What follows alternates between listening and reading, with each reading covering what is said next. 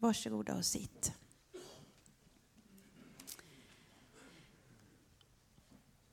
Det är ju också kyndelsmässodagen. Det är ju en dag som handlar om ljus och mörker. Och i det så har vi plockat ut temat helhjärtat. Att leva med det odelade hjärtat som de gamla ökenfäderna talade om. Och jag skulle vilja ställa en fråga till dig. När exakt vet vi att mörker övergår till ljus? När blir det gryning? När exakt blir det gryning? Hur kan man veta att det är gryning? En jättejobbig fråga. Liksom. Jag har ju gått på gudstjänst av helt andra syften än att svara på frågor.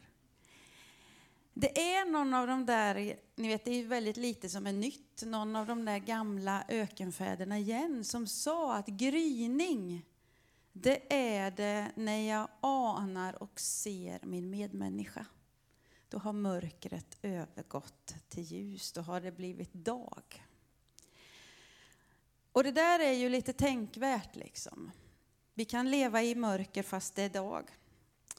Och vi kan leva i dagens ljus fast det är nattsvart. Det beror på.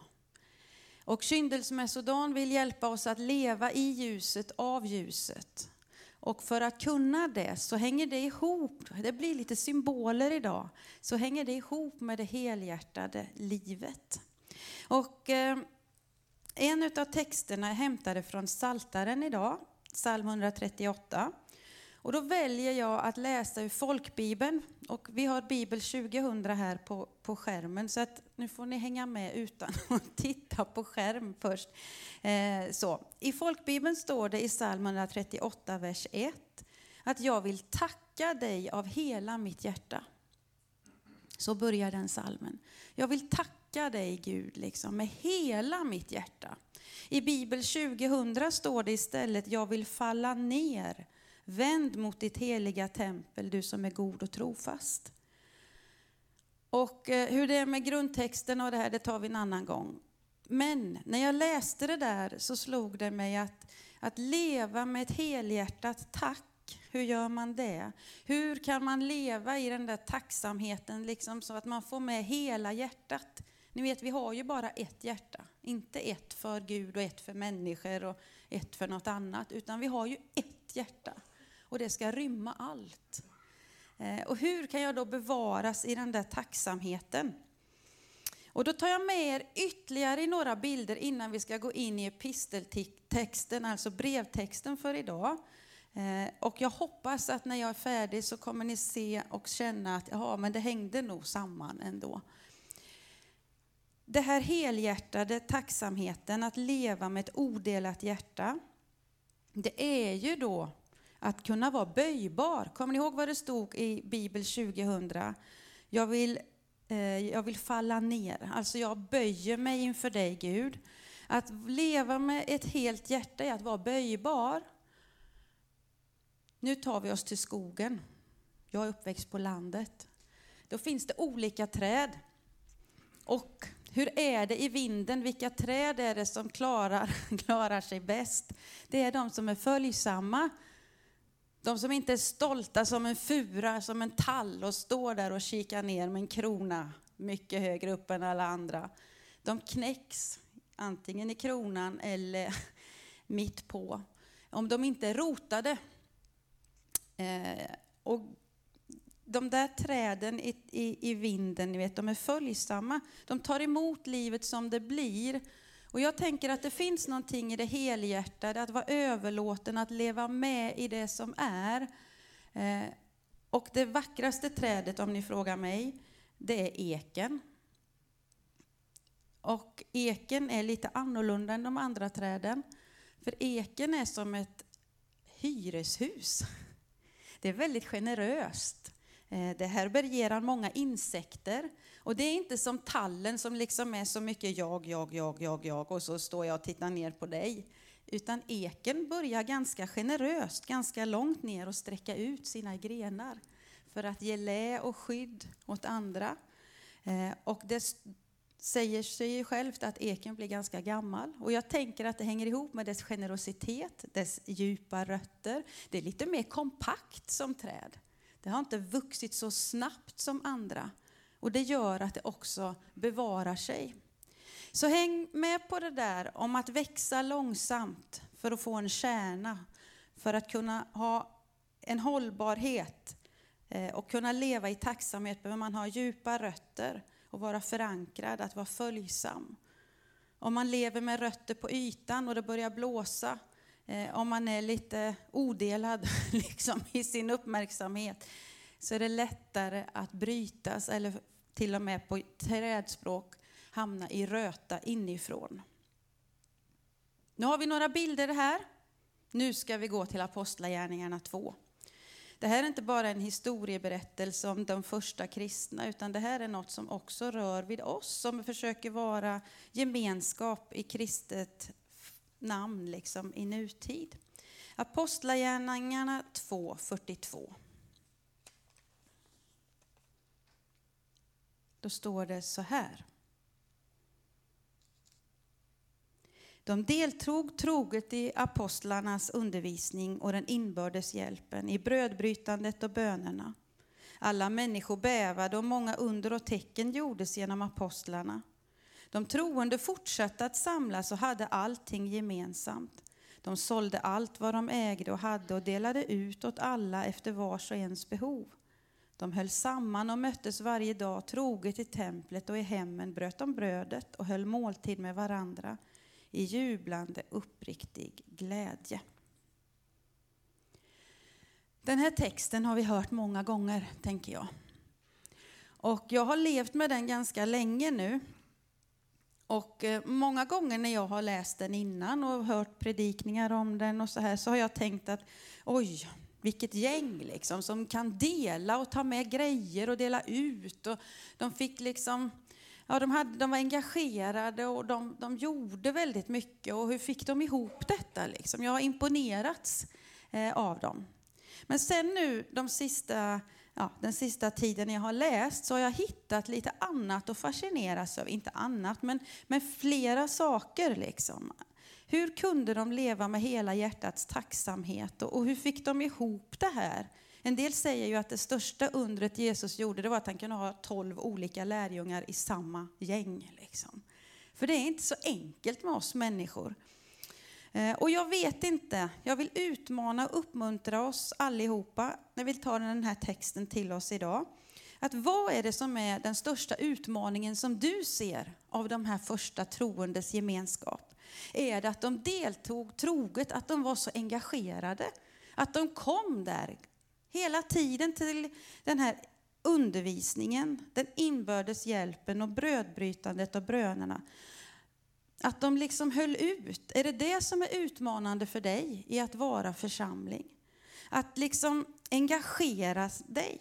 Att finnas där i både den här praktiska och teoretiska delen som det innebär att vara församling. Där en del är lösningsfokuserade och en del är relationella. Är det det som är det här att liksom finnas, att komma till byggnaden, liksom, att vara där och ställa upp. Är det utmaningen? Eller är utmaningen enligt texten att det också fanns människor omkring som bävade och tyckte och tänkte? Som inte brukar gå till kyrkan, är det det som är utmaningen att vara kyrka? Vad alla andra som inte går till kyrkan ska tänka om oss om jag går till kyrkan. Eller om att jag säger att jag är kristen och brukar gå till kyrkan och jag räknar med Gud. Är det det som är utmanande för dig och mig? Är uthålligheten utmaningen? Att binda upp sig på lång tid, liksom. det hänger ihop lite med det där att delta troget. Att liksom långsiktigt hänga i. Ibland är det kul, ibland är det svårt. Att uthålligt hålla på och gå till kyrkan och vara en kristen? Eller är det att ha gemensamma mål tillsammans med andra? Att eh, liksom, oh, det är vi som är. Är det det som är utmaningen? Att ha gemensamma mål och ett gemensamt engagemang. De sålde ägodelar och delade ut. Vilken logistik! Är det det som är utmaningen? Att liksom synka tillsammans och samla in och ha insamlingar och, och så utdelningar. Är det det där praktiska, att fixa med allt som ska till? Det är bullar och det är stolar och det är allt som ska dras fram och dras bort och ges ut. Att administrera tillgångar och vara behovsinriktad med sitt liv, är det det som är det utmanande? Församlingen och dess verksamhet, templet och hemmet, att dela liksom livet, är det det som är det komplicerade? Om det bara hade varit att gå till templet eller till kyrkan, eller bara haft hemgrupp med bara de som man får plats med i, i, i rummet, liksom, är utmaningen att kunna leva ett liv som inkluderar inte bara söndag 10 till 12, utan ah, det famnar också mig och mitt vardagsliv. De bjöd varandra på mat och de bjöd på sig själva. Är det det som är utmaningen med att vara kristen och vara församling? Att vi måste bjuda hem varandra, bjuda in varandra i livet, i maten. Man säger att när man delar mat med någon, när man bjuder någon på mat, är det detsamma som att säga, jag vill att du ska leva. Jag är ju för dig. Det är ju en kärlekshandling. Det är väldigt vackert. Jesus åt ju med människor. Han åt med vem som. Han vill att vi ska leva. Är det det som är utmaningen med att vara kristen och vara troende? Eller är det det som stod lite sådär på slutet? Att de gjorde allting. Vad var det de gjorde alla de här grejerna i? Jo, i uppriktighet. Det var där den jublande glädjen kom ifrån. Att de var uppriktiga. Är det det som är det svåra med att vara kristen och vara församling? Att leva i uppriktighet. I ärlighet med varandra. För det är tydligen det också som genererar den där helhjärtade tacksamheten. Den helhjärtade jublande glädjen. Inte att de var precis likadana. Inte att alla tyckte exakt likadant. Inte att alla hade lika stora hus och hem eller gick lika snabbt till templet. Utan det var på något sätt att just kärlek hade fått fylla dem med sin näring ifrån roten till kronan. De hade inte börjat att bygga kronan eller sträckt ut sina armar bara för att. Utan allt det som syntes var en konsekvens av att Guds ande, Guds kärlek hade fått göra sitt verk ifrån botten. Långsamt växande. Då kommer motståndskraften, då spelar det ingen roll vad de andra tycker.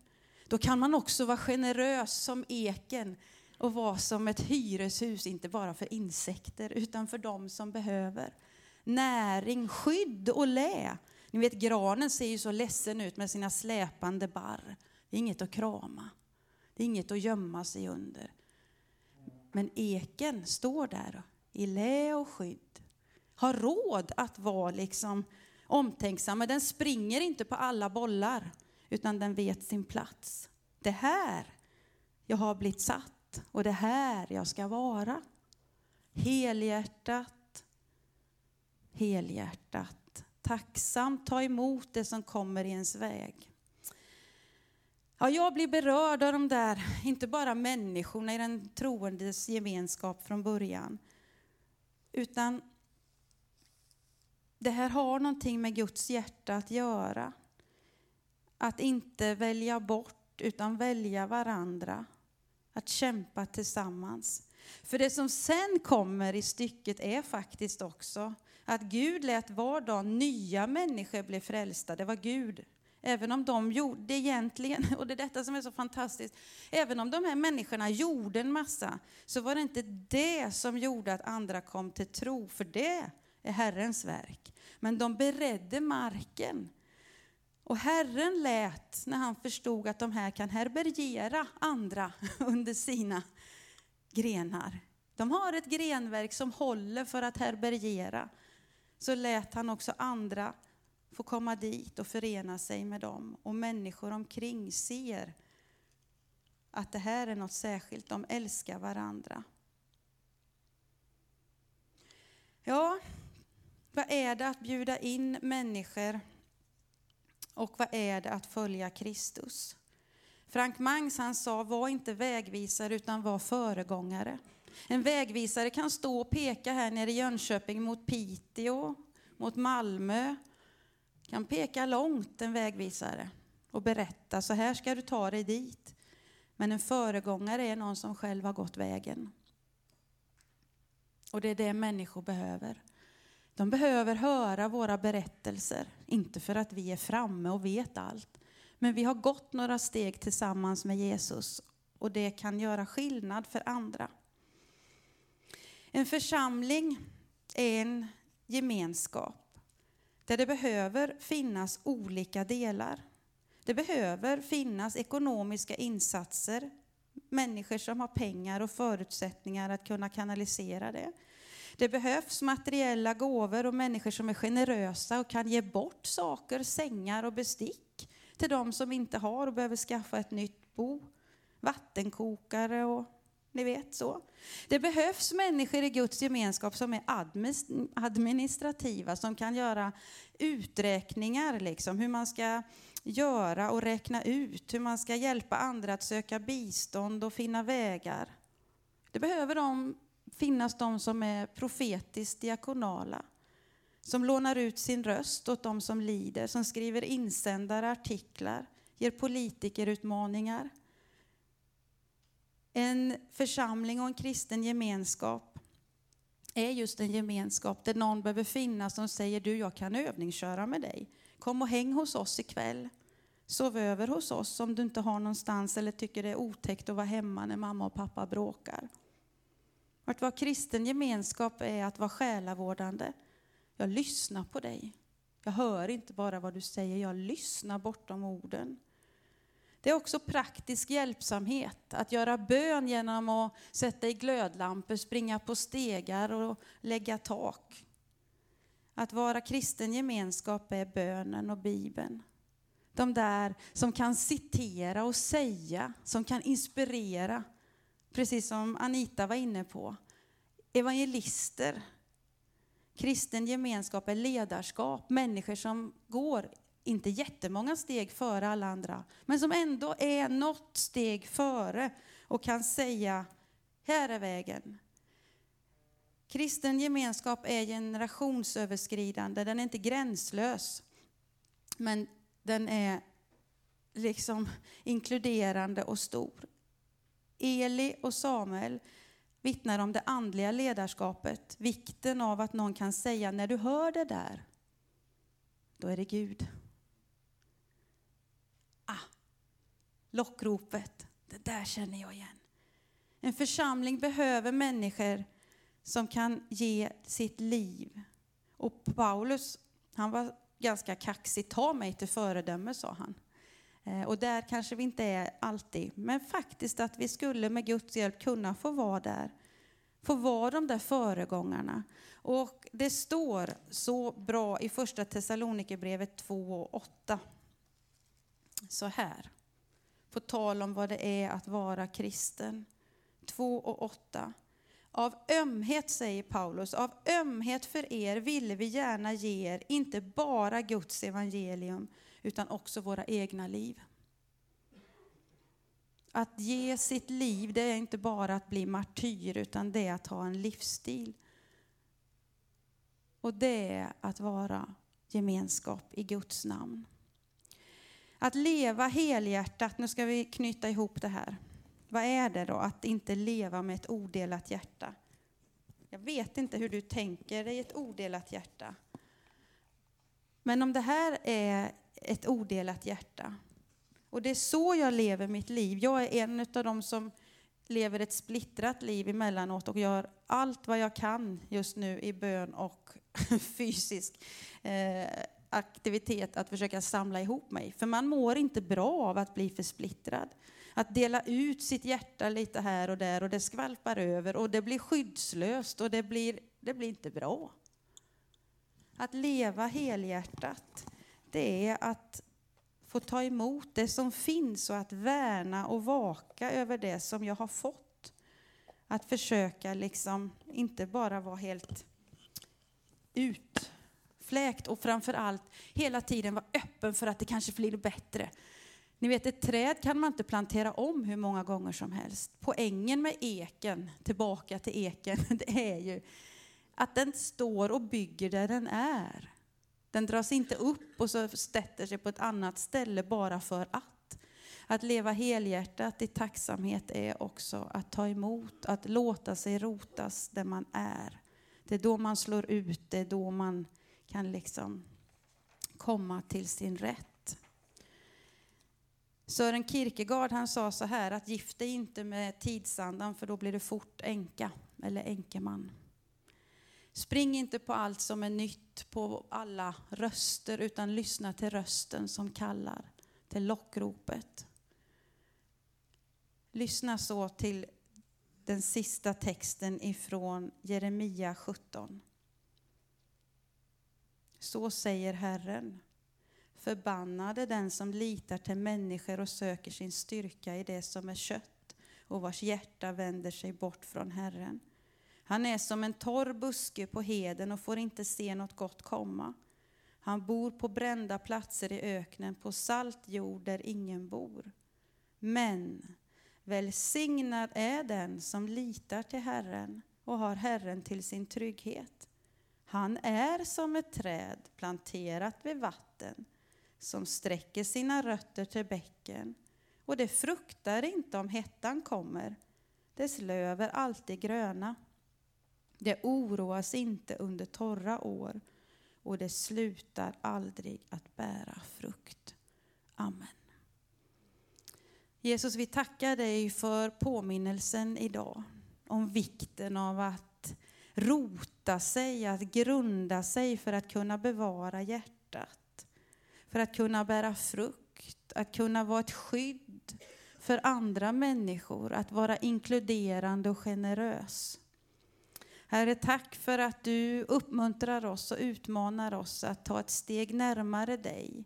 Och då tar vi också ett steg närmare varandra, Herre. Tack för att du älskar människorna. Tack för att du älskar församlingen, att det är din församling, Herre. Och vi tackar dig för att de här första troende får inspirera oss, Herre, till att leva i uppriktighet. Till att på olika sätt ta oss an det som utmanar, Herre. För att göra dig sedd, trodd och älskad för människorna här, Herre. Tack för att vi får också ta emot det liv som vi har fått och lär oss att vara böjbara så att vi inte går av och knäcks utan att vi får motståndskraft och att vi kan liksom byggas upp inifrån och faktiskt också kunna härbärgera det som möter oss för att vi vet att vi möter det inte ensamma, Herre. Så tack för ditt ord som är verksamt och levande, som talar till oss, som uppmuntrar oss att leva överlåtet och helhjärtat. Hjälp oss med det. Du vet vad det är som utmanar oss på olika sätt. Och tack att du inte tar din heliga Ande ifrån oss eller din goda blick utan du följer oss i kärlek. Du följer församlingarna med din närvaro, Herre. Vi tackar dig för det. Vi tackar dig för att du också vill ge framtidstro och hopp, Herre.